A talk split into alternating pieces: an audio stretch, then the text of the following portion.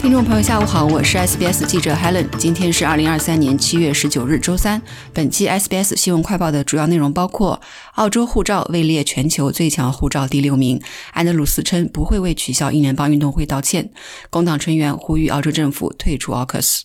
根据最新的亨利护照指数，澳大利亚护照排名上升，而日本护照被挤下了榜首位置，被新加坡护照取而代之。持新加坡护照可以免签访问全球二百二十七个旅游目的地中的一百九十二个，紧随其后的是德国、意大利和西班牙的护照，而日本护照与其他六个国家。奥地利、芬兰、法国、卢森堡、韩国和瑞典的护照并列第三位。英国护照在经历了六年的下滑之后，扭转跌势，升至第四位。澳大利亚的排名从第八位上升到第六位。澳大利亚护照持有者可免签前往一百八十六个目的地，或在抵达后获得签证、访问许可或电子旅行授权。美国护照在该指数中的排名持续下滑十年之久，此次又下降两位，跌至第八位。排名垫底的是阿富汗护照、伊拉克护照和叙利亚护照。亨利护照指数利用国际航空运输协会的数据，比较了一百九十九个国家护照免签进入二百二十七个目的地的情况。该指数已经连续十八年发布。维州州长丹尼尔·安德鲁斯宣布为维州的偏远地区设立1.5亿澳元的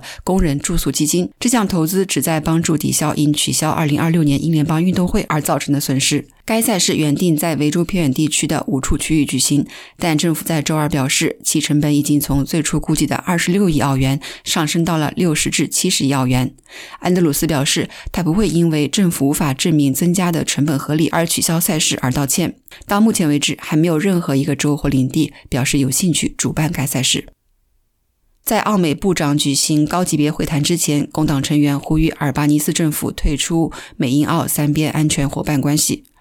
国防部长马尔斯和外交部长黄英贤透露，他们将于下周在布里斯班会见美国国务卿布林肯和国防部长奥斯汀，深化在军事与安全、环境、清洁能源和经济问题上的合作，将是此次会晤的议程之一。环境部长普利波塞克所在的悉尼选区的工党成员要求政府退出安全条约，并放弃购买核动力潜艇计划。他们认为，AUKUS 助长了地区军备竞赛，有可能将澳大利亚拖入一场灾难性的战争，并破坏了政府作为核不扩散条约签署国的合法性。好了，感谢收听本期的 SBS 新闻快报，在任何播客平台搜索 SBS 普通话，点击订阅，开启消息提醒，即可了解澳洲国内外新闻及社区信息。